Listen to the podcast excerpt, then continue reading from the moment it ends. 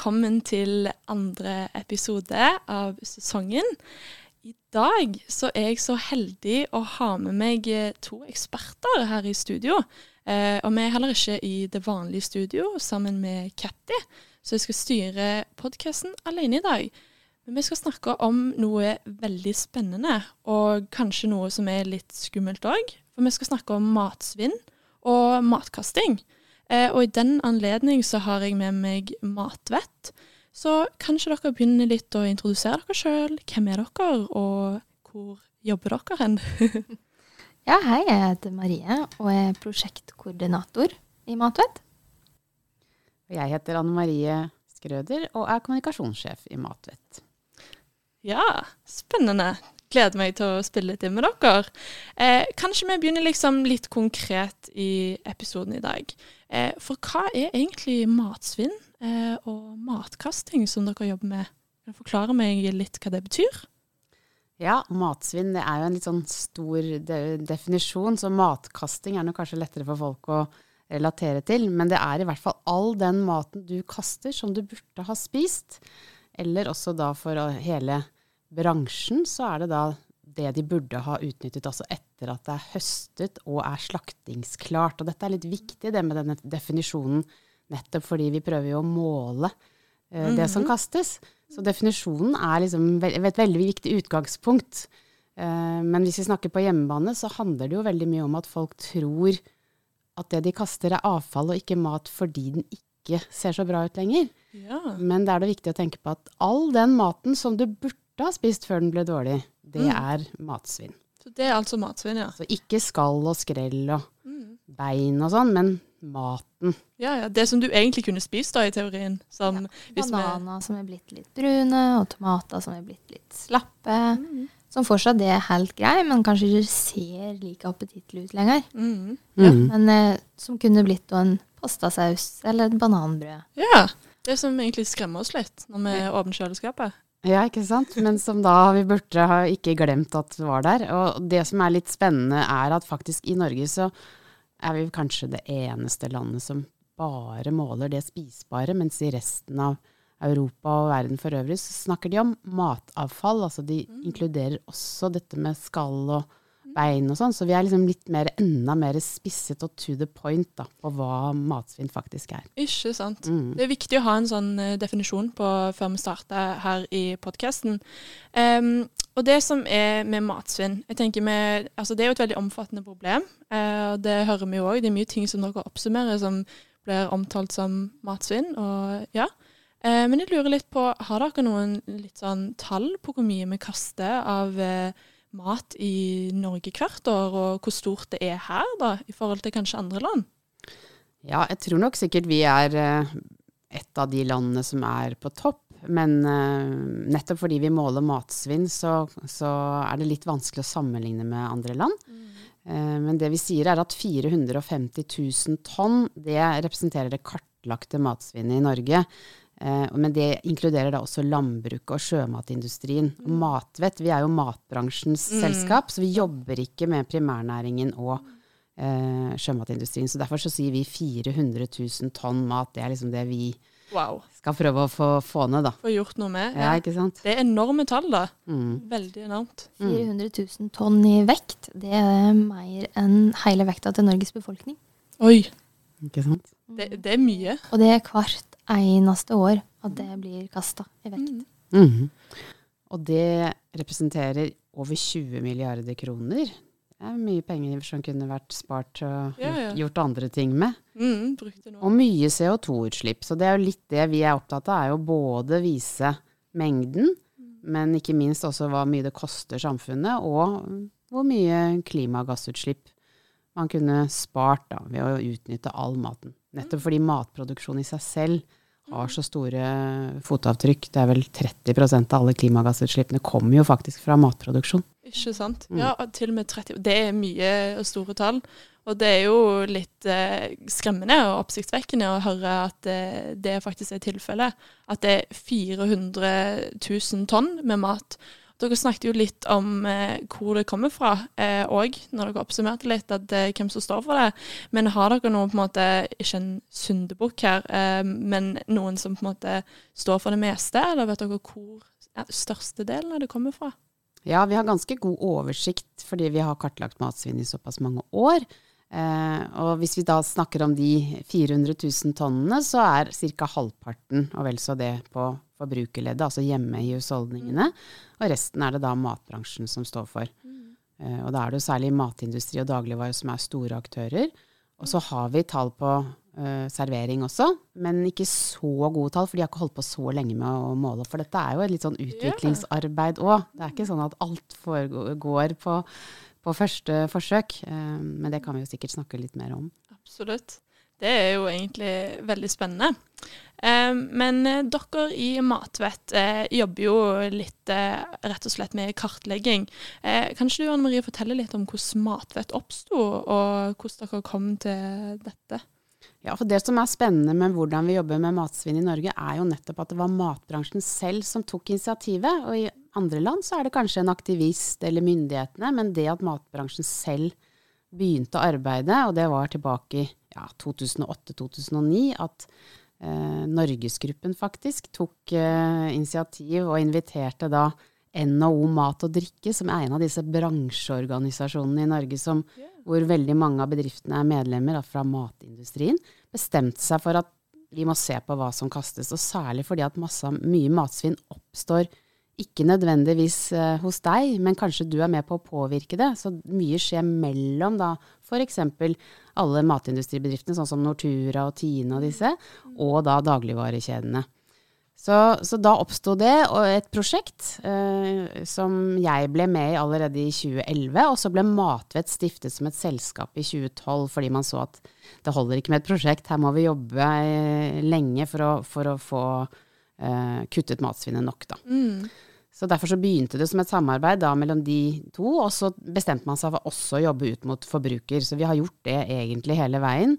Og så fikk vi med oss NHO Reiseliv i 2016, så da ja. jobbet vi også med servering. Så nå har vi liksom mange vi jobber ut mot. Ja. Eh, og så har vi slengt med oss offentlige virksomheter og enda mer forbrukerkommunikasjon nå, fordi vi har fått et utvidet oppdrag fra myndighetene over denne strategien for sirkulær økonomi. Ja. Hvis det er noe dere kjenner til. Spennende. Ja, kanskje du forteller oss litt mer om dette?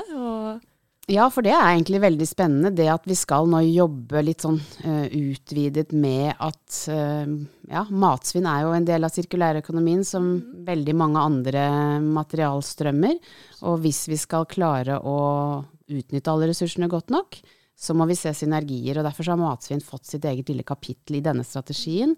Eh, og så så jo også myndighetene at ja, Matvett jobber jo så bra, så de kan jo like gjerne jobbe litt mer ut mot eh, forbruker, som jo egentlig er myndighetenes ansvar. Mm. Um, og også dette med offentlige virksomheter, for vi har jo en bransjeavtale i Norge, den skal vi yeah. kanskje snakke litt mer om, men, men der er ikke kommunene med. Uh, og så trenger de også uh, verktøy og materiell osv., så, videre, så det kan jo Marie fortelle litt mer om hvordan vi jobber da uh, for å nettopp styrke verktøykassen inn mot offentlige virksomheter. Mm. Fordi vi har jo etter altså det prosjektet Kutt mat siden 2020 ganske mange gode verktøy, men som er for servering og sånne ting. Eh, så ut mot det offentlige så har vi måtte sett da, med hjelp av andre samarbeidspartnere hva av det materialet vårt kan videreutvikles og tilpasses. Så da har vi hatt et prosjekt eh, mot barnehage som vi holder på med nå. Eh, der det er hvordan kan det materialet her bli tilpassa, sånn at det passer for opplæring av de som jobber i barnehage, som egentlig har andre ting å tenke på mm. enn matsvinn. De skal jo passe på barna. Eh, hvordan kan de også inkludere foreldre, og hvordan kan man inkludere barna mm. i det med å snakke om matsvinn tidlig, og ta dem med på kanskje lage litt mat og vise at det er vei og mm. alt sånn. Og så skal vi da også videre gjøre det samme ut mot omsorg og ut mot resten av det offentlige. Da. Det er jo masse offentlige kantiner. Mm. det er matlaging på sykehus. Mm. Og alle de også trenger verktøy som er enkle å ta i bruk. Som kan gi en grei opplæring for folk som egentlig har som sagt, bedre ting å gjøre på. Mm. Eh, så der holder vi også på med masse forskjellig. Ja, det er jo kjempefint å se at dere egentlig koker det litt ned og gjør dette materiet til noe som er veldig lett for alle å bruke. Sant? Dere tilpasser det til forbrukerne, til barnehagene, til serveringsbransjen. Og dere har på en måte et veldig innblikk i hvordan man skal formidle, og hvordan man skal håndtere et problem og gjøre strategisk mot det, og det, altså jobbe med det. Og det er veldig fint å se, og passer jo veldig til det vi driver med på en måte om i morgen òg. Vi er jo opptatt av liksom at dette med matsvinn er en del av eh, det store klimaregnestykket. Så veldig fint å se hvordan dere kommuniserer, og hvordan måte, de oppdragene dere har eh, faktisk eh, ja, tar eh, ting litt ned på jorda. Så det er veldig spennende. Um, men jeg tenkte litt uh, i forhold til det med å jobbe liksom, med offentlighet, virksomhet og restauranter og matindustri, dagligvarer og på en måte litt sånn som du sa med barnehager her. Hvordan har det vært uh, opp gjennom måte, tiden? Hvordan har det vært å møte folk i dette? Og har dere sett noen endring i reaksjoner hos folk, kanskje? Akkurat dette. Ja, for, for å si to ord til om, om hvordan Matvett jobber, da, så er ja. det jo viktig at vi utvikler gode verktøy til bedriftene. Og ikke minst at vi får dem til å rapportere, mm. eh, eller først og fremst måle, og så rapportere. Så mye handler om å gi dem en trygghet i hva de skal måle, hvordan de skal levere data. Eh, og da samarbeider vi med NORSUS, som er et forskningsinstitutt som er veldig gode på dette med med analyse av matsvinndata og livsløpsanalyser og, og, den type ting. Mm. Um, slik at alle får en god oversikt. Vi vet jo veldig mye om hvor mye og hva, og, hvor, og hva som er årsakene. Mm. Og så utvikler vi på bakgrunn av det verktøy og materiell som kan brukes i de ulike sektorene, da, og ja, også sant. ut mot forbruker. Så dette har jeg, første gang jeg snakket om at dagligvarebutikkene måtte prise ned maten som hadde kort holdbarhet, så, ja. så, ristet de nok litt på hodet og syntes at det var et dårlig forslag, for de skulle jo bare selge fersk mat til full pris. Mm. Men du ser hvordan det har gått. Nå finner du jo eh, gode eh, både hyller eller hvordan de organiserer det, men alle dagligvarekjedene i dag priser jo ned mat med, med kort holdbarhet. og mm det har jo redusert matsvinnet betydelig i dagligvarekjedene. For eksempel. Så det var ikke sånn at alt var eh, solskinn fra første dag, men sakte, men sikkert så har jo vi kommet med mange viktige, spennende tiltak, sånn som dette med supplerende holdbarhetsmerking f.eks., med ofte god etter og ikke dårlig etter. Det var jo et matvett- og matbransjeinitiativ. Så fint. Så har vi også se, lukt og smak. Ja. Det var jo ikke merka på produkt før. Nei. Og det også ser jo man stadig mer på så å si nesten alt med best før-holdbarhet. Ja. At det står se lukt og smak. Ja. For dette er jo noe nytt. Jeg har vært på butikken og sett litt om dette. Men eh, kan du forklare litt det der se, lukte, smak-konseptet? Ja. Altså det er jo eh, Nå kan jeg ta litt på det med dato. da. Det er jo to datomerkinger. Mm. Det er best før og siste forbruksdag. Yeah. Og det er jo litt for at forbrukeren skal vite at siste forbruksdag, der bør ikke du ete det etter datoen er gått ut. Mm. Så der bør man bare kaste det. Mm. Men så er det liksom mange produkt, sånn som tørrvare og meieriprodukt, mm. kan være like gode etterpå. Og da blir det liksom litt for dumt hvis du har brukt én kopp av melka og kasta ja. hele fordi datoen er gått ut. Men når det da står best før, men god etter, og gjerne da se, se luktsmak, så kan man bruke sansene, fordi de forteller oss veldig mye. Eh, lukter på. Lukta melka Lukta egentlig melka noe? Vi har jo snakka om det nylig, at melk lukter jo bare en sånn, så vidt litt sånn søt lukt. Ja. OK, greit. Det smak på den. Smaker den helt fint? Smaker den litt sånn søtt? Eh, lukter den surt, så lukter jo det, det veldig fort. Mm. Og hvis den da ser helt fin ut, holder den oppi et glass, den lukter helt fint, og den smaker helt fint, så er det ingen fare for å da bruke det i pannekake, eller mm. bare å drikke den som vanlig melk. Ja, ja. Eh, men det at man blir litt mer obs på det at det er ikke så farlig eh, hvis melka er gått litt ut, eller at osten er gått litt ut, så lenge den ser og lukter helt fint og smaker helt fint. Ja. Og det er egentlig litt viktig, fordi det er bare meget lett bedervelige matvarer, som vi sier, som må merkes med siste forbruksdag. Uh, og vi har jo jobbet lenge for å ha mest mulig varer merket med, med, best før, og det er vi gode på i Norge. Så, så, derfor så er det jo litt synd hvis det er den Og det er jo en av de vanligste årsakene. Det glemt i skapet og gått ut på dato er jo grunnen til at, at folk kaster mat. Og når du glemmer den i skapet, så er det jo ofte at ting går ut på dato. Yeah. Men nettopp så blir du ikke syk, vi må gjenta det en gang til, mm. av å smake på mat som er merket best før. Og det har jeg sjekket med Mattilsynet, at, men det betinger jo selvfølgelig at du har oppbevart matvaren riktig, da. Det er veldig viktig, fordi det meste skal jo stå kaldt. Um, og da, hvis du har hatt melken stående på benken i to timer, og sola skinner inn på den, så Da er det noe annet. Er det noe annet. Da lukter den jo ofte litt mer òg. Mm. Så vær litt mindre redd, egentlig. Det er det, det, det, initiativet skal sikre oss. Jeg skal innrømme at jeg er ikke perfekt der, jeg heller. Men uh, med en gang man får litt den hmm, OK, man tenker seg en gang om når man på en måte får produktet, og forholder seg til to forskjellige merker. Så det er veldig fint å se at uh, dere har vært med i kampen for det òg. Ja. Og der er det jo liksom sånn, litt som du sier, ikke vær, litt, ikke vær så redd. Ta en mm. liten sjanse. Og så går det an også skrelle av de tre ekstra lagene av løken og se at oi, kanskje, kanskje kjernen på løken ja. er fin. Eh, og så plutselig så slipper man å gå på butikken og kjøpe ekstra mat, bruke mer penger, fordi man dobbeltsjekker. Mm. Den, eh, den, eh, tar jeg meg eh, hands up på, den. For meg og Marie hadde en liten handletur, og der kom over en bunt med rødløk i en pakke. Eh, og jeg er òg litt sånn ikke så fin på grønnsaker, men det var en rødløk som så litt, den så litt sliten ut. Og toppen var måte, litt sånn Jeg kunne nesten klype av toppen, for den var så myk. Og så ser Marie på meg, og da vet jeg at nå er det Matvettguruen som er ute. Og hun, den kan vi fint spise, Katrine. Ja, jo jo, OK. Går og leverer den i kassen, og får kanskje et par blikk for han i kassen. Og Marie bestandt, den skal vi ta med oss. Og så er det hjem og lage mat, og når jeg åpner den løken, så ser den helt fin ut. Så der lærte jeg noe sjøl òg, altså. Så det må jeg si. Det er tips til dere der ute òg. Eh, ikke bare lytt til matvettguruene her, men eh, tenk deg litt om når du ser på grønnsakene, kanskje. Men det kan vi òg komme litt tilbake til på tipsene på slutten. Absolutt. Ja. Men nå tenkte jeg at vi skulle ta og gå litt videre, for vi var litt inne på det med bransjeavtale. Eh, hva er bransjeavtalen? Kan dere forklare meg litt hva bransjeavtalen går ut på? For det er jo noe dere jobber litt med.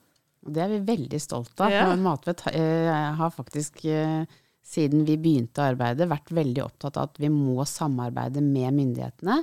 Mm. Og i 2017, endelig, etter å ha jobbet uh, i to år med en intensjonsavtale, så fikk vi på plass denne da, bransjeavtalen om reduksjon av matsvinn ja. mellom da myndighetene, altså fem departementer som skrev under, og hele verdikjeden for mat. Alle disse bransjeorganisasjonene som jeg snakker om, da, hvis wow, jeg sier yeah. Virke og NHO og uh, Bondelaget, og, ikke sant, som representerer alle disse bedriftene. Uh, så da signerte de på en bransjeavtale med mål om å halvere matsvinnet innen 2030, som også da er FNs bærekraftmål nummer 12.3. da. Men Stem. de er enda mer ambisiøse, yeah. fordi vi snakker hele verdikjeden, mens uh, bærekraftmålene de er, er, det fra handelen og ut da, som, som, ligger i det målet at man skal halvere.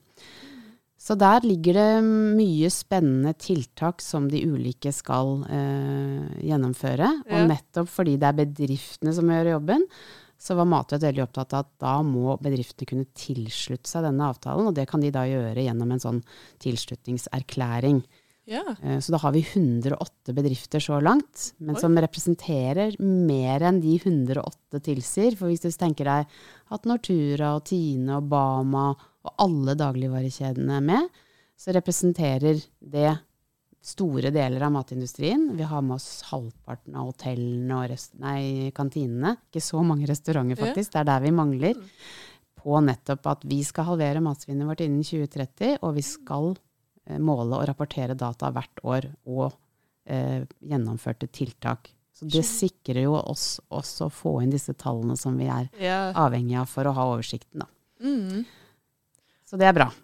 Veldig fint. Og det er jo noe som eh, allerede starta i 2017, så det har jo vært et par år med denne avtalen. Nå vet jeg ikke helt konkret hvordan det er med alle tall. Jeg har sett noen tall fra 2020-2021 med på en måte hvor stort matsvinnet er. Men har dere noen tall på den endringen som har skjedd i løpet av de årene? Og ser dere noe liksom oppgang, nedgang? Hva, hva viser de?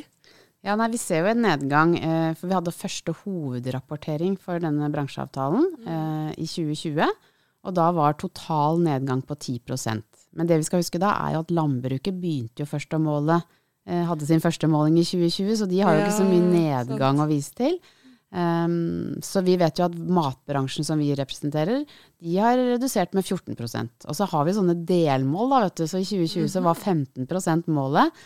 Så vi nådde nesten merket på det. Men uh, forbrukerne, eller vi hjemme i husholdningene, har bare redusert med 6% Så det er ikke så bra, da. Ja. Mm. Nei, det er jo der mye av det ligger, som dere snakket om til å begynne med òg. At det er der mye av på problemet ligger. Mm. Men uh, å se nedgang er jo lovende. I hvert fall uh, for uh, meg som forbruker, og, eller dere òg som forbruker, men generelt å bare OK, der er, der er en sikte, et mål kanskje. Ja, um, så nå må vi steppe opp, for det at 30 ja. innen 2025, det er neste delmål.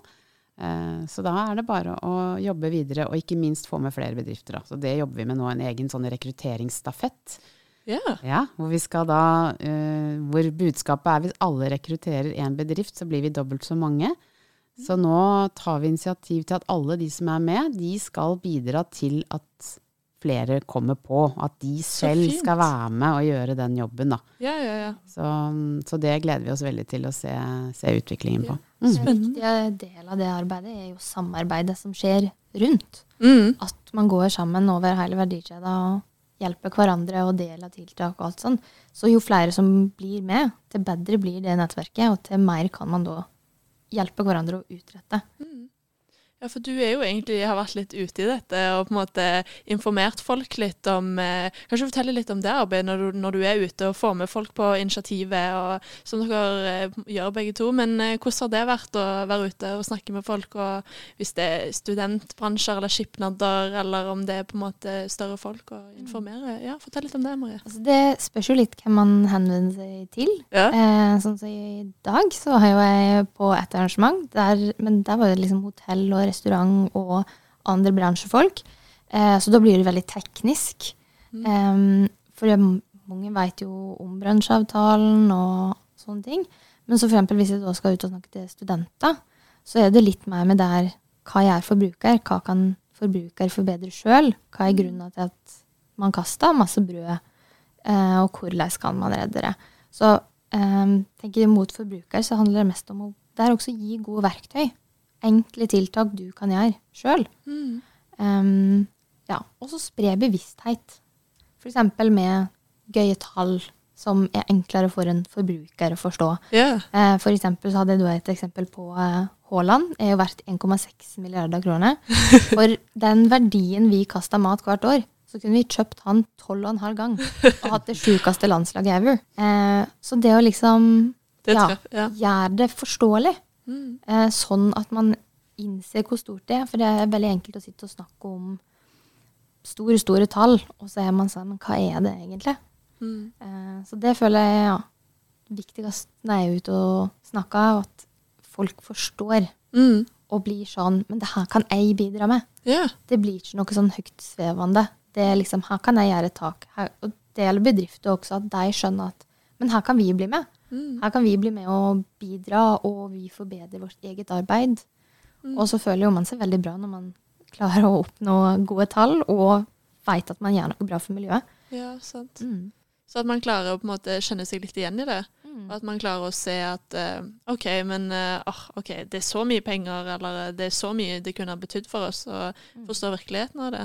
det. Jeg tror det kan virke litt sånn, sånn som du sa, skummelt. Mm. At det er så stort og så viktig, og man føler seg kanskje litt liten i det.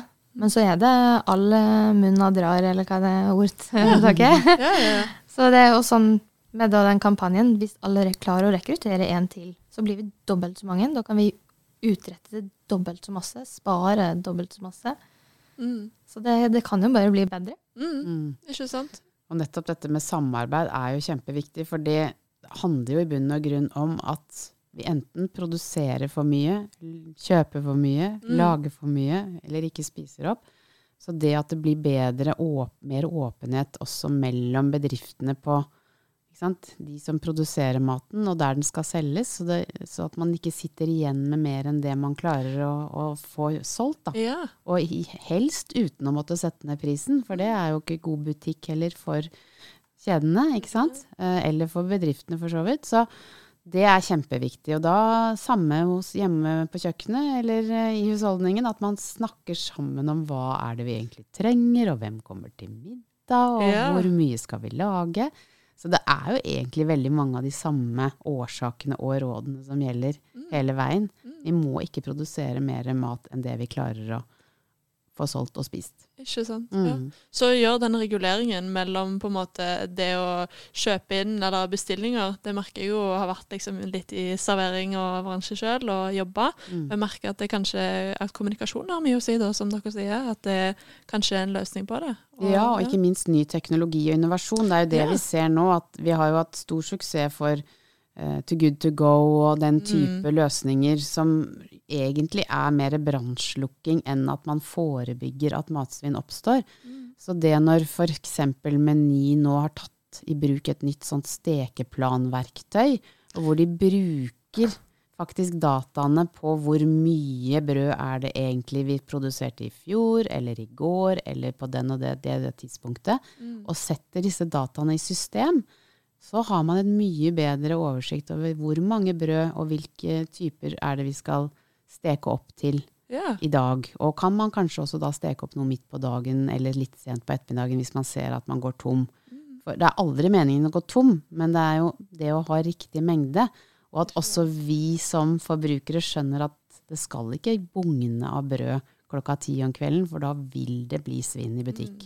Så det er jo nettopp det der å se verdikjeden litt sånn både snu deg litt bakover og litt forover, og ikke bare se, tenke ved din egen nese, så, så kan vi samarbeide om å, å få gode resultater. Da. Mm. Så tenke litt på det sjøl òg, og være litt bevisst på akkurat det. Og, for vi får jo inn, sånn som du sier, den maten hele tiden. Det er fullstappa i hyllene, så ha et forhold til det òg. Så ja.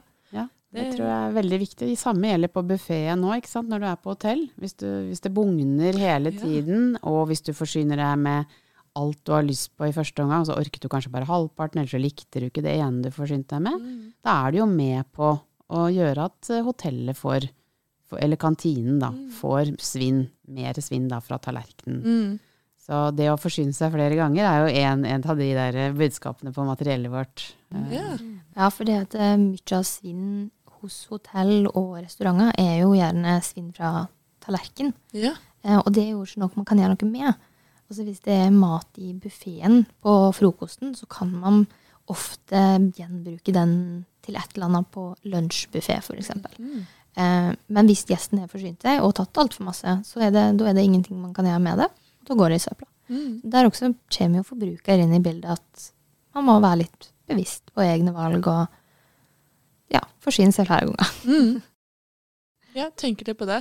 Og da kanskje bruke en sånn Er det noe merking dere har brukt på det? Noen skilt som er rundt på Ja, det har vi i verktøykassen vår. Så har vi ferdigutvikla skilt som da restaurant og hotell kan benytte seg av. Da har vi både skilt som viser I går kasta vi XXX kilo mat.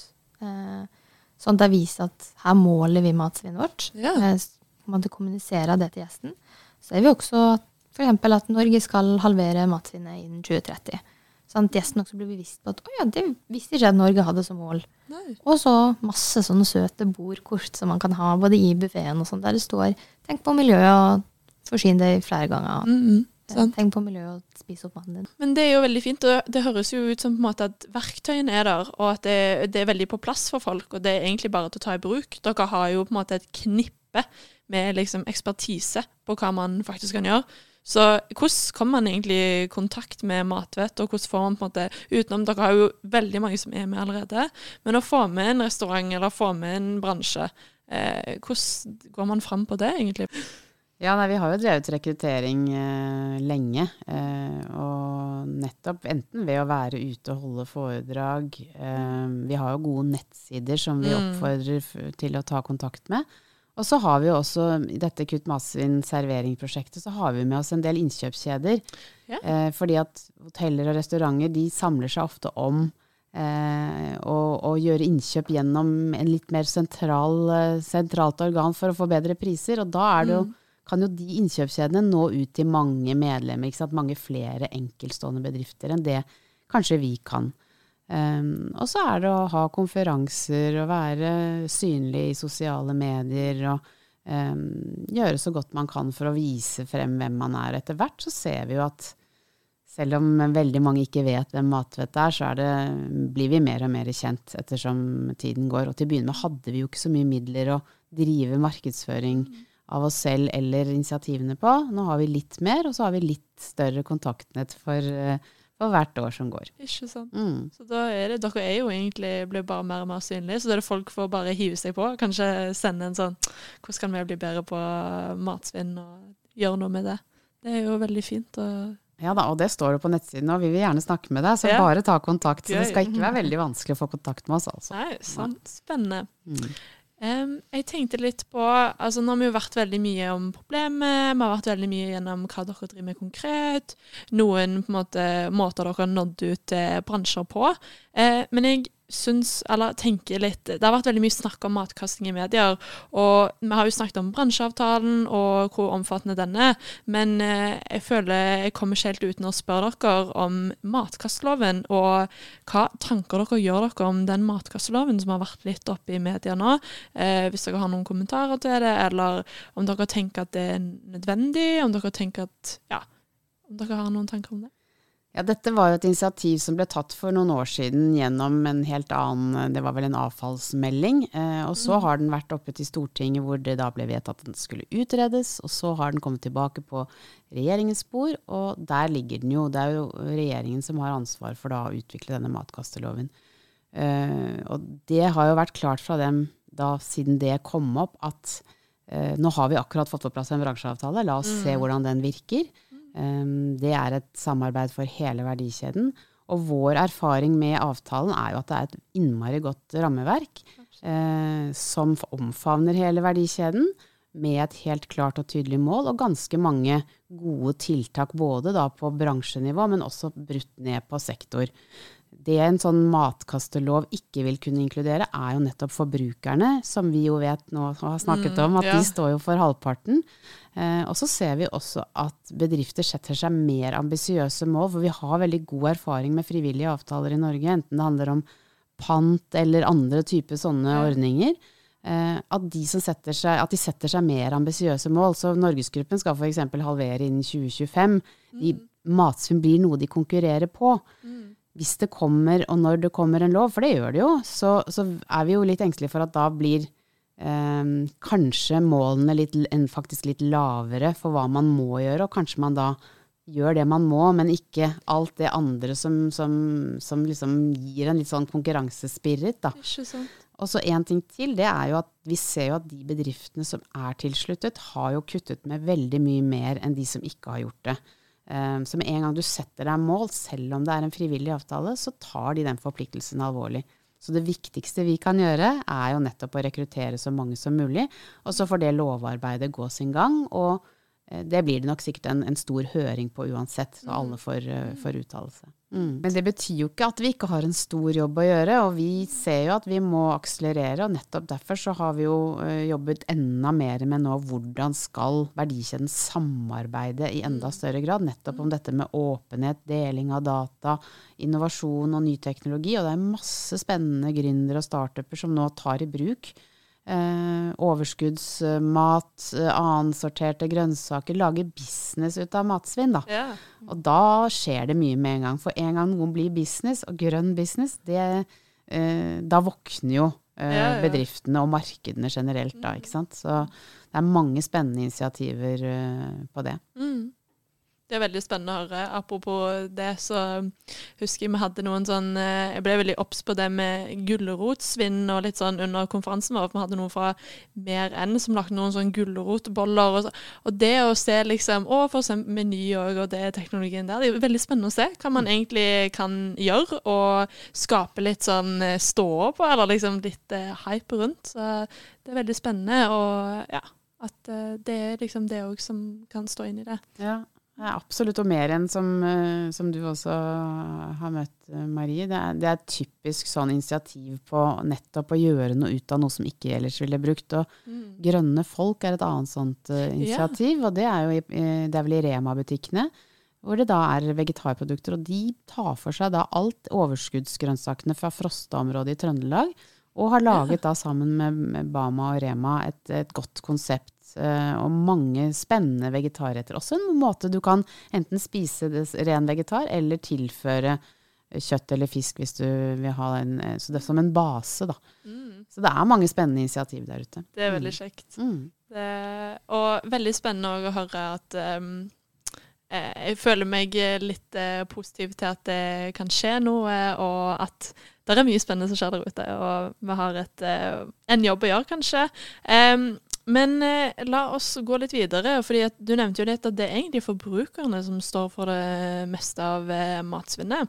Har dere noen tips eller noen tanker om hvordan vi skal gjøre dette? Ja, jeg kan jo begynne med å si med at Norsus har jo regna ut hva folk kan spare på å kutte sitt eget matsvinn. Eh, nå skal jeg bare gå ut ifra at studenter da som regel enten er single eller i par. Mm. Og da er det vel single, nå må Anne Marie rette på hvis jeg sa feil, men single kan spare rundt 5928 kroner. Og par var 10.100 et eller annet. Nei, 7000 var det på par. Ja, men 5928 kroner for single, da, hvis vi går ut ifra det tallet. Ja. Um, det kan en da singel person spare med å kutte matsvinnet sitt. Mm. Uh, og da regner jeg litt på den. Jeg skulle snakke til noen sånne ungdommer for en stund siden. Det, den summen det dekker et årsabonnement på Netflix, på HBO Max, Disney pluss, Spotify, Discovery pluss og Amazon Prime. Så det kan du ha alle de et halvt år, og du har 230 kroner til overs. Oi, det um, tror jeg man blir glad for å høre. ikke sant. Så det, det er helt store summer som Ja. vi kan spare helt enkelt Ja, ja. med å planlegge hva du skal handle. Eh, hvis du skal ha gulrøtter til én rett, hva andre retter kan du lage den veka Mm. som inneholder gulrøtter? Du kan bake brød med gulrøtter, du kan røtter til taco. Gir en god crunch. Eh, men å planlegge den før du går i butikken. Hva skal jeg ete denne veka her? Eh, hva passer sammen? Mm. Og også når du da først er i butikken, hvis du ombestemmer deg, legger på plass igjen Mm. de varene du ikke vil ha, på rett plass. Eh, det kan ha mye å si for butikken. Butikken har jo andre ting å gjøre på enn å gå og lete etter varer som er feilplassert. Så det kan jo gå ganske mange timer før man ser det. Um, ja, også, også sånn som du sa med den eh, rødløken eh, vår. Vi skulle bruke den samme dag. Ja. Så hvis du er i butikken og veit at du trenger fløte i dag, ta den fløta med litt kortere holdbarhet. Mm. Eh, for du, du har ikke behov for den lange, lange holdbarheten. Mm. Så har sikkert Anne Marie enda flere gode tips.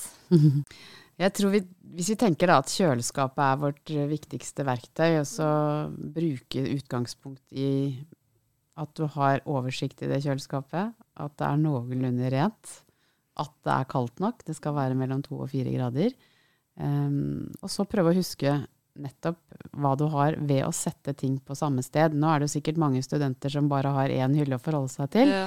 Men da må de bruke den hyllen best mulig. Eh, og så er det jo sikkert mange som kanskje ikke har fryser, men har man det, så, så er det jo veldig lurt å bruke den. Ikke som bod, men som en eh, midlertidig oppholdssted hvis du ser at oi, jeg får ikke spist det kyllingbrystet, da slenger jeg det i fryseren. Du Ja. kan til og med da, hvis det er en rest, skrive på hva du skal bruke den til, enten den havner i kjøleskapet eller, eller fryseren. Men det er som Marie sier, det å planlegge godt, tenke at flere råvarer passer eh, eller samme råvare passer i flere retter. Eh, og ikke minst enten skrive handleliste eller ta en liten huskeøvelse på hva er det faktisk jeg har hvor. Eh, så at du unngår også, ofte den derre rømmen, tacorømmen eller tacosausen, så har man veldig mange. Eh, og så blir det mugg på den, og så kaster du den fordi du kanskje også har dyppet skjeen oppi tacosausen etter at den har vært i rømmen. Ja, ja. Det må du ikke gjøre. Um, og så tror jeg nettopp nå hvor vi er i en vanskelig situasjon, og særlig for studenter, med å ha dårlig råd, så dette med sparetips, nettopp, du kan spare mye penger. Kjøp da nedpriset mat eh, med kort holdbarhet, men vit hva du skal bruke den til. Nettopp fordi at den da har litt kortere holdbarhet. eh, og, og bruk kjøleskapet og fryseren din smart. Og planlegg gjerne sammen noen, eh, hvis du bor i kollektiv også. Hva kan vi kjøpe hvis det er store pakninger? Hvordan kan vi faktisk enten splitte opp og spise hver for oss, eller spise sammen? Ja. Og så innfør én restedag i uken. Gjerne torsdag. Restetorsdag er et sånt matvettbegrep som vi syns er veldig fint. For da har jeg god samvittighet på fredag når jeg skal ut og handle. Nå er vel Ja. studenter litt mer sånn at de handler fra, på impuls, men, men det er en god plan, da. Og spis det du har før du kjøper ny mat. Mm. Hvis du klarer å komponere noe gøy med restene. Det er det morsomste som fins, er å lage restemat. Ja, ja. Jeg jo liker den der en bare hiver litt av det man har, og så føler man seg litt masterchef på, på slutten. Ja. Og det er jo også, nå er jeg også med på Restet torsdag, men f.eks. fredagstacoen. Ja. Hvis alle i kollektivet da skal spise sammen, se litt før dere går på butikken. Du har løk, du har ost, jeg har en pakke kjøttdeig. Ja. Så sparer man penger, og man får på en måte rydda opp og bli kvitt ting. Hyggelig å dele maten òg, sant. Det er jo veldig fint det dere sier. Det handler jo sikkert veldig mye om planlegging. Og litt mer å på en måte tenke litt på plass og tenke litt på forholdene i kjøleskapet. Den uh, var litt ny. Den jeg, skal jeg gå hjem og sjekke òg. men vær litt bevisst på det. Og så kanskje litt med grønnsakene, kanskje tenke litt uh, Skal man bruke den den dagen? Ta, ta et eh, tak og spis den, og kjøp den. Um, og så syns jeg det var egentlig veldig fint det du sa tidligere òg, men den eh, kanskje se, lukte, smake, som dere var inne på. Tenke litt på det òg. Og ser du en rømme som du er litt Å, nå har jeg åpna den, det er ikke noe mygg på den. Kanskje lukte og smake og ja. Ja. Og sånn rømme, når den er gått ut på dato, og kanskje er liksom begynt å bli litt sånn eh, Fortsatt kjempegod i vaffel. Ja. Mm, det er helt sant. Og de varer mange uker over tiden hvis du har det kaldt nok i kjøleskapet. Og så tenk at måltidsrester, frukt og grønt og brød, det er det vi kaster mest av. Så det å kanskje da enten kjøpe mindre brød, dele i to og legge halvparten i fryseren, være litt bevisst på akkurat det med, med brødsvin. Vi kaster faktisk 170 000 brød hver eneste dag fra norske husholdninger. Og det betyr kanskje bare at du kaster en skalk eller en skive i uken, men sammen, hvis vi legger sammen alle innbyggerne, så blir det veldig mye. Og det representerer store summer og store landarealer. Og, så det, det, det er noe med de eksemplene er viktig å ta med seg. Og så husk at frukt og grønt som ikke er ferske, som eh, Marie også har vært inne på, de kan du bruke. Gi salaten et lite isbad, så blir den frisk igjen. For det er veldig mye vann i grønnsaker og i frukt. Eh, Så nettopp det å tilføre vann til slappe gulrøtter og salat og sånn, det, da blir det faktisk veldig mye bedre. Og hvis ikke, så passer de alltid i en suppe eller en pastasaus. Eller, så vær litt bevisst på det, at ikke du rydder for mye i det kjøleskapet, slik at den halve purren eller den løken som du trodde du ikke kunne spise, havner i, i søppelkassen. For det er ikke nødvendigvis nødvendig, i hvert fall. Nei, nei, nei. Nei. Og all eh, frukt går jo veldig fint i smoothie. Ja. Der går også en litt sånn halv, eh, halv brun avokado. Kjempegodt i smoothie.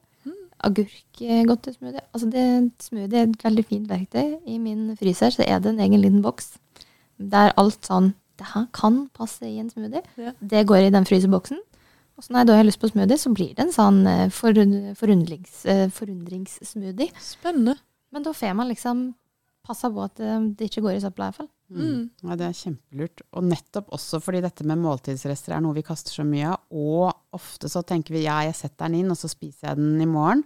Og da har jeg god samvittighet fordi jeg har tatt vare på den. Men så når morgendagen kommer, så har jeg mer lyst på noe annet. Selv om jeg tror jo nå at vi blir mye flinkere fordi vi har dårligere råd, Mm. så er det da lett for at du kaster den resten. Så tenk akkurat nok. Prøv å ikke lage mer mat enn det du tror du kommer til å spise opp.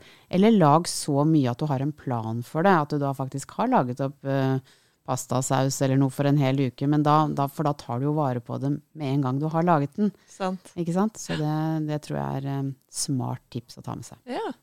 Syns dere kom med noen veldig, veldig gode tips. Så her er det jo bare til å plukke. Eh, og det er jo helt mulig å gjøre noe med sitt eget matsvinn, høres det ut som. Så eh, tusen takk for at dere delte så gode tips. Det skal jeg ta med meg. Og jeg håper at lytterne av podkasten og studentene tenker litt mer på det neste gang de er og handler og er hjemme. og tar et lite grep. Kanskje har en restetorsdag i kollektivet denne uken etter å ha hørt på podkasten. Og følg oss gjerne på Instagram. Ja. Både da matvett.no, men også Kutt matsvinn. Fordi vi har to Instagram-kontoer hvor det er mye inspirasjon og gode tips. Så følg med. Tusen takk eh, for det gode tipset. Em, så eh, kjør på, følg eh, gjengen på Instagram. Og så vil jeg egentlig bare si tusen takk for at dere var med meg i studio. Det har vært veldig, veldig lærerikt. Og jeg tror nok at eh, alle studenter og alle som hører på dette òg har lært en god del. Så takk. Tusen takk. Tusen takk.